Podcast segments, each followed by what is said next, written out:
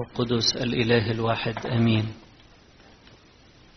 ابن الإنسان قد جاء ليطلب ويخلص الذي قد هلك. أو حسب ما بيقولها القديس بولس الرسول لتلميذه تيموثاوس صادقة هي الكلمة ومستحقة كل قبول أن المسيح يسوع قد جاء لكي يخلص الخطاة الذين أولهم أنا. إحنا علشان في شهر توت ودايما طبعا شهر توت هو بداية شهور السنة القبطية فالكنيسة بتكلمنا عن ناس بدأت مع ربنا. شهر البدايات. وزكى من الناس اللي بدأت من تحت الصفر. يعني في ناس بيبتدوا من الصفر. أو بيكون عندهم حاجة كويسة. لا زكى ده بدأ من تحت الصفر. والأسبوع الجاي عندنا نموذج لواحدة ست. يعني الكنيسة حطلنا النهاردة أيقونة زكى والأسبوع الجاي هيبقى أيقونة المرأة الخاطئة. الناس بدأت من تحت الصفر بس شافت المسيح واتقابلت معاه وحياتها اتغيرت بالكامل. قصة زكى بتبتدي بأن هو راجل مشتاق يشوف المسيح مشتاق يشوفه. عنده كده اشتياق. يمكن أكتر من ناس كتير. في ناس ممكن تشوف المسيح بالصدفة أو ما تشوفوش ما يفرقش معاها. وفي ناس تانية لا يفرق معاها. يفرق معاها. أنا مش عارف هو راح بدري وركب على الشجرة وطلع فوق قبل ما المسيح يعدي بقد إيه. أكيد بفترة لأن هو عارف إن الموكب لو عدى هو اتأخر دقيقة واحدة. بعد ما المسيح عدى خلاص مش هيشوفه دايما اللي يروح بدري اللي يجي الكنيسة بدري غير اللي بيجي متأخر. يفوتوا كتير اللي يجي متأخر. اللي بيجي بدري بفرح قوي لما أدخل الكنيسة ألاقي في ناس قاعدة ناس موجودة أو واقفة تصلي. جايين بدري. مبكرين مستنين عايزين يشوفوا يسوع. زي زكا كده راح بدري عارف إن هيعدي من هنا؟ ولا الحقيقة كان المدخل بتاع البلد. وما زالت الشجرة موجودة واشتروا الأرض اللي جنبها عاملين كنيسة. الأروام الأرثوذكس عاملين كنيسة جميلة هناك. والشجر ما زالت موجودة وحواليها شجر تاني. ففي مدخل البلد معروف فطالع على الشجرة ومستني عشان يشوف المسيح. المسيح بيقدر كل مجهود بنبذله في السعي وراءه. كل مجهود نبذله مش رايح. كل مجهود بنحطه علشان عايزين نشوفه مش هيروح مننا ابدا. اللي تعبان ومريض وبي بي بيقوم نفسه بالعافية يقول لازم أروح القداس. لازم أنزل بدري. ما ينفعش يبقى الحمل بيتقدم وأنا ما كنتش موجود. لازم أكون موجود قبل كده. لازم استنى المسيح عشان لما يمر عليا يلاقيني وياخدني ويقول لي سأمكث في بيتك. مفيش واحد بيبذل أي مجهود من أجل أنه ينفذ وصية ربنا أو من أجل أنه يشوف المسيح في الغلابة والتعبانين والمحتاجين ويصنع معهم رحمة. والسيد المسيح يقول له أنت صنعت بي أنا. مفيش واحد بيبذل مجهود إلا لما المسيح بيقابل عمله ده بحب وعطاء يفوق الوصف. زكى لم يكن يتوقع نهائيا إن المسيح يكرمه هذا الإكرام ويقول له أنا اليوم في بيتك. المسيح ده الضيف الكبير بتاع أريحة النهارده.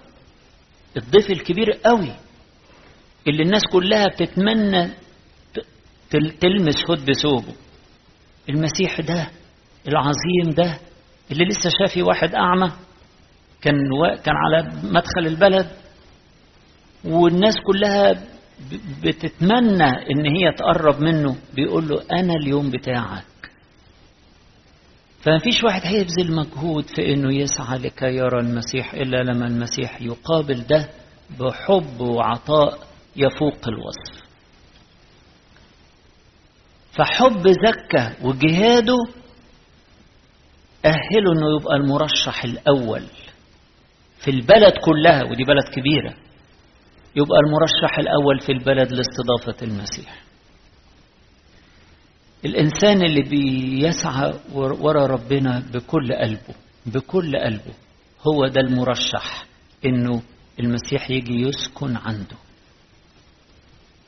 في ناس تانية كتير. آه تقعد شوية وتمشي تتفرج. شافت ما شافتش ما يفرقش معاها وفي واحد عنده اشتياق مربوط بربنا وعنده اشتياق وبيسعى. هو ده اللي ربنا يجي عنده.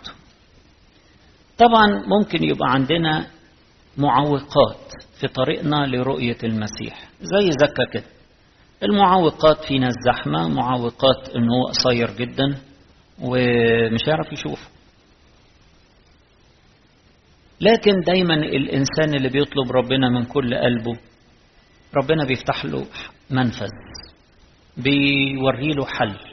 شفنا الناس اللي كانوا شايلين المفلوج ربنا أرشدهم لفكرة عجيبة جدا فتح لهم منفذ. وبذلوا مجهود ونزلوا نزلوا الراجل من فوق السقف. برضه زكى كده. ساعات الأرض ما يبقاش فيها حلول ساعات الحلول تبقى أعلى شوية من الأرض. تبقى جاية من فوق. يا رب أنا عايز أشوفك. أنت تفتح لي السك تفتح لي نافذة من فوق. فربنا أرشد زكاة لحكاية الإيه؟ الشجرة دي. الجميز ده شجر جامد جدا. غير شجر التين والتفاح شجر ضعيف وقصير. لا شجر الجميز شجر شجرة عتية يعني ضخمة جدا بتبقى خشبها زي شجر التوت كده. دي أشجار اللي عاش في الفلاحين عارف إن هي بتبقى على الطريق. ناس تاكل منها يعني ملاش ملاش صحاب يعني. يعني خير بتنزل خير للناس وخلاص. ناس تاكل من التوت وتاكل من الجميز ده واللي بي الغلابة قوي يجمعوا الجميز اللي واقع ويغسلوه كده وينضفوه ويبيعوه. يعني ما عندهمش أصلا أرض ولا عندهم يعني شغلانة فالجميز ده الجاني الجميز أو اللي بيبيعوا الجميز دول أبسط ناس وأفقر ناس يعني. شجر الجميز ده بس شجر قوي. شجر فيه خير خير وشجر قوي. الجميزة دي بتمثل الكنيسة اللي فيها خير لكل واحد بيجيها مش عايزة حاجة غير إن هي تدي من الخير اللي ربنا حطه فيها. الكنيسة دي بتشيلنا على كتافها. علشان نشوف المسيح. إحنا من غيرها أقزام. إحنا من غير الكنيسة ما نعرفش نشوفه. لكن الكنيسة بترفعنا. زي ما يكون في كده أب طويل وعنده طفل صغير فالطفل ده مش هيشوف حاجة إلا لو الأب ده شاله على كتافه وقال له يلا كده أنت شايف بقى كل حاجة دلوقتي. الكنيسة بتعمل معانا كده بتاخدنا ترفعنا علشان نشوف المسيح. من غيرها يبقى صعب قوي يبقى صعب قوي. أيضا شجرة الجميز دي بتشير للصليب اللي يقبل إنه يرتفع على الصليب ويتحمل إنه يرتفع يعني فيها أحيانا ممكن الناس تسخر منه ممكن الناس ت يعني تحتقره وليكن. اللي يقبل إنه يرتفع على الصليب ويتصلب على الصليب هو ده اللي بيشوف المسيح. في ناس ما شافتش المسيح وهي مبسوطة ومرتاحة وعندها كل حاجة وبتتفسح وبتتحرك وبتعمل كل اللي في نفسها. ما شافوش المسيح. شافوه في الضيقة. شافوه في وقت الألم. شافوه لما تسمروا على الصليب. لما ارتفعوا على الصليب شافوه. مش بس هم شافوه. ده اتفاجئوا إن هو عارفهم باسمهم وشايف تعبهم وشايف جهادهم وشايف حبهم ويقول له تعالى يا زكا أسرع وانزل. اليوم ينبغي أن أمكث في بيتك. أنا مش ناسي تعبك مش ناسي حبك مش ناسي سعيك ورائي. ساعات الإنسان ما يبقاش واخد باله من كده مش واخد باله مشاعر ربنا إيه. بيبذل مجهود من عنده هو وناسي إن الحب الأكبر هو حب حب ربنا اللي بيغمرنا بيه. وهو حتى اللي عطينا الاشتياقات دي في قلبنا لما بيلاقي قلبنا حلو كده ومتسامح ومتواضع بيحط الاشتياقات في القلب. يعني حتى الاشتياقات اللي في القلب دي نعمة منه. دي نعمة منه. إحنا مش عايزين ننسى كده. إحنا مش مركز الكون. ربنا هو مركز الكون. وهو واهب كل عطية صالحة وكل موهبة تامة جاية منه. فمش عايزين ننسى أبدا إن هو عينه علينا. مش إحنا اللي مجرد عايزين نشوفه لا. ده هو مشتاق ده جاي أريحة مخصوص عشان زكى وعلى فكرة دي كانت آخر مرة يدخل فيها أريحة. خلاص عشان كده قال لزكى أسرع وانزل. انت شاطر وجاي بدري الكنيسة. تعالى أنا هسكن في بيتك. أنا هسكن في حياتك. أنت تعبت بس أنت ما تعرفش أنا بحبك قد إيه. إذا كنت إذا كنت أنت مشتاق لي إيراد أنا مشتاق لك 24 إذا كنت أنت بذلت مجهود علشان تشوفني وتحملت شوية يعني نظرات من الناس وشوية تريقة لا. ده أنا هتحمل من أجلك حتى الموت موت الصليب علشان أدي لك حياة أبدية وأرفعك وأخلصك.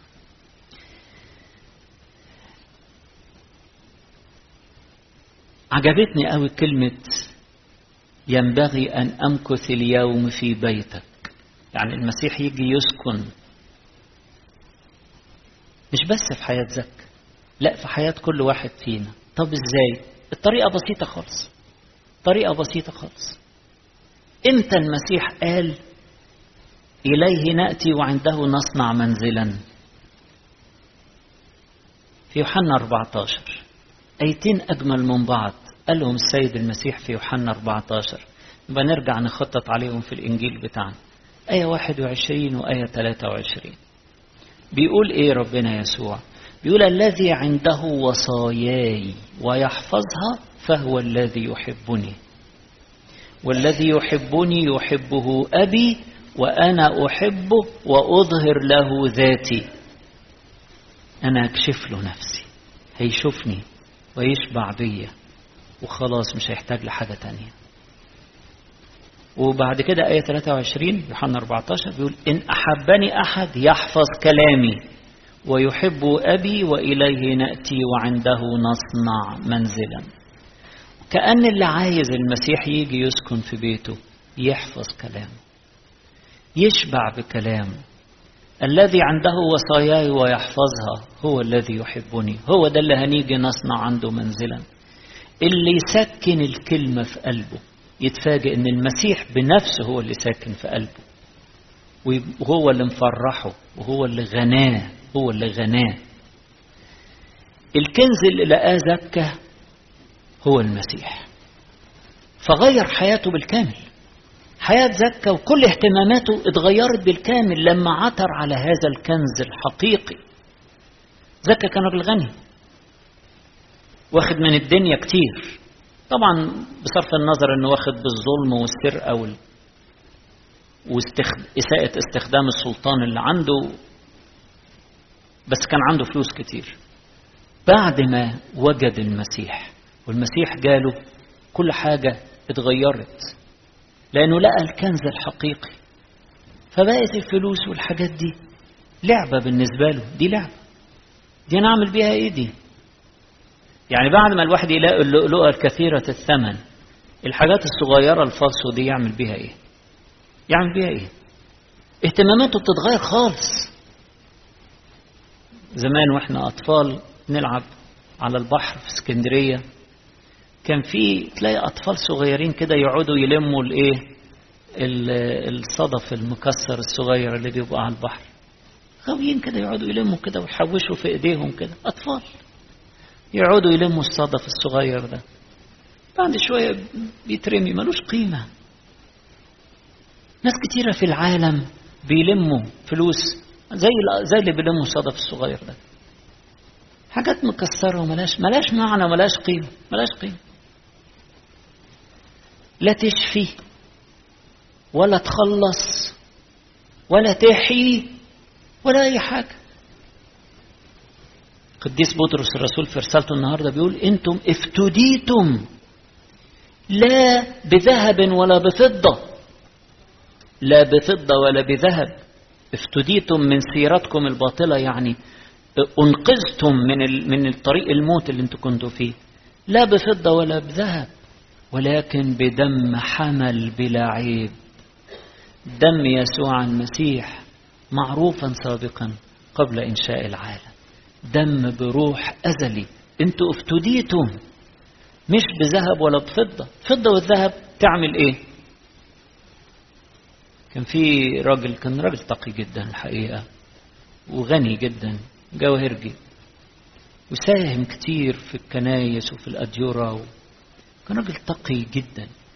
لكن كانت نهايته يعني ربنا سمح كده بمرض سريع وبعدين خلاص. ورم أعتقد كان في المخ أو حاجة زي كده. خلاص. طب الفلوس دي كلها الفلوس دي كلها هتخلص الإنسان؟ هتشفيه؟ مش هتشفيه. أنا فاكر في كام ده في بداية الثمانينات.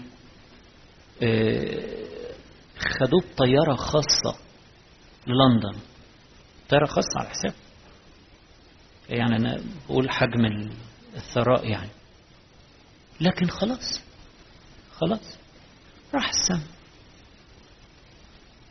زكى اكتشف الكنز الحقيقي.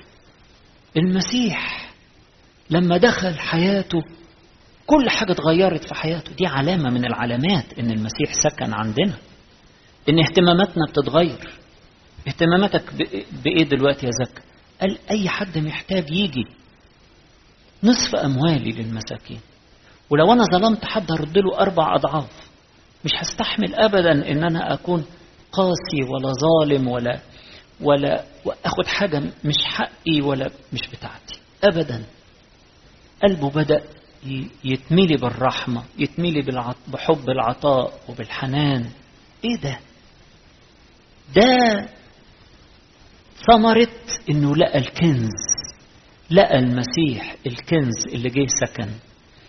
فإحنا هناخد المسيح يسكن فينا بحفظ وصاياه. ونقول له تعالى يا رب إحنا جايين لك بدري النهارده عايزين نشوفك. والمسيح ما بيحرمناش ابدا يقول خلاص اليوم أكون في بيتك. إليك نأتي أنا وأبي وعندك نصنع منزلا. بس من فضلك ما دام عندك وصاياي احفظها. ما دام عندك وصاياي اشتغل فيها تاجر فيها. وتبقى كده هو ده ده الحب.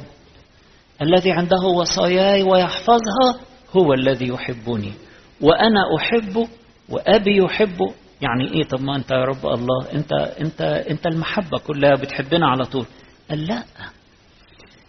مش كل الناس بتستقبل الحب بتاعي.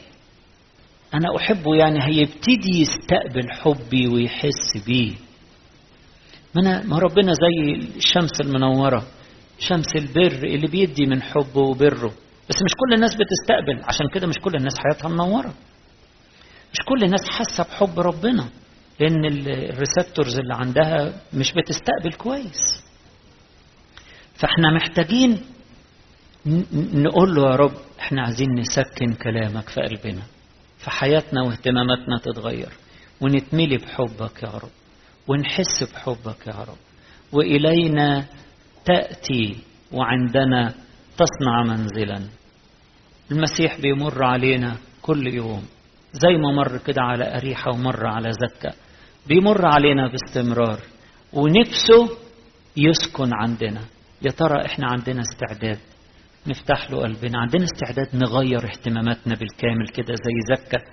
ولا ممكن يجي ويمشي زي ما كان الفريسيين بيعزموه؟ الفريسيين كانوا بيعزموه بيروح عندهم بس ما كانوش بيتغيروا. وبعضهم كانوا بينتقدوه وينتقدوا تلاميذه. ودول بياكلوا من غير, من غير ما يغسلوا ايديهم ويتبعوا تقليد الشيوخ. وانت إزاي تسمح ان المرأة دي تلمسك؟ السيد المسيح كان بيروح عندهم وبيمشي. حياتهم ما بتتغيرش. مش عايزين نكون زيهم ابدا. نسمع كلام ربنا ونمشي وحياتنا ما تتغيرش. واهتماماتنا ما تتغيرش.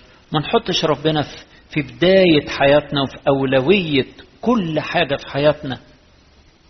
زكى بعد ما المسيح دخل بيته خلاص بقى تلميذ المسيح. ساب كل حاجة ومشي ورا المسيح. بيت زكى النهاردة كنيسة والحاجة اللطيفة إنه ده كنيسة قبطية. دير قبطي موجود في أريحة. وبيت زكى ده كنيسة مدفون حتى في الأرضية بتاعت الصحن بتاعها زكى والعيلة بتاعته. بيت زكى كل حياته بقت للمسيح مش بس بيته. فاحنا مش عايزين نبقى زي الفريسيين اللي المسيح بيدخل بيوتهم. علشان كانوا عازمينه عشان يفتخروا بس ويلموا الناس الكبار بتوع البلد. لا إحنا مش عايزين نفتخر بنفسنا ولا بغنانا ولا إن إحنا بنجيب الناس الكبار ولا إن إحنا ناس معروفين ولا. إحنا عايزين نسلم حياتنا بالكامل للمسيح. ونقول له يا رب إحنا من النهارده تلاميذك. إحنا من النهارده يا رب اكتشفنا اللؤلؤة الكثيرة الثمن. عشان كده هنبيع كل حاجة ونشتريها. صادقة هي الكلمة ومستحقة كل قبول. أن المسيح يسوع قد جاء لكي يخلص الخطاة. ابن الإنسان قد جاء لكي يخلص الذي قد هلك. أنت جاي يا رب ما فيش حد بغ... تاني ممكن يخلص حياتي. ويشفيني ويقدسني ويديني حياة أبدية غيرك. ربنا يدينا كده أن يكون مرور المسيح علينا النهاردة. هو سبب بركة وفرح وخلاص لأهل هذا البيت لحياتنا ولفكرنا ولقلوبنا ولأسرتنا وتغيير كامل في اهتماماتنا عشان يكون ربنا هو الأول والآخر في حياتنا. ولربنا كل مجد وكرامة إلى الأبد. آمين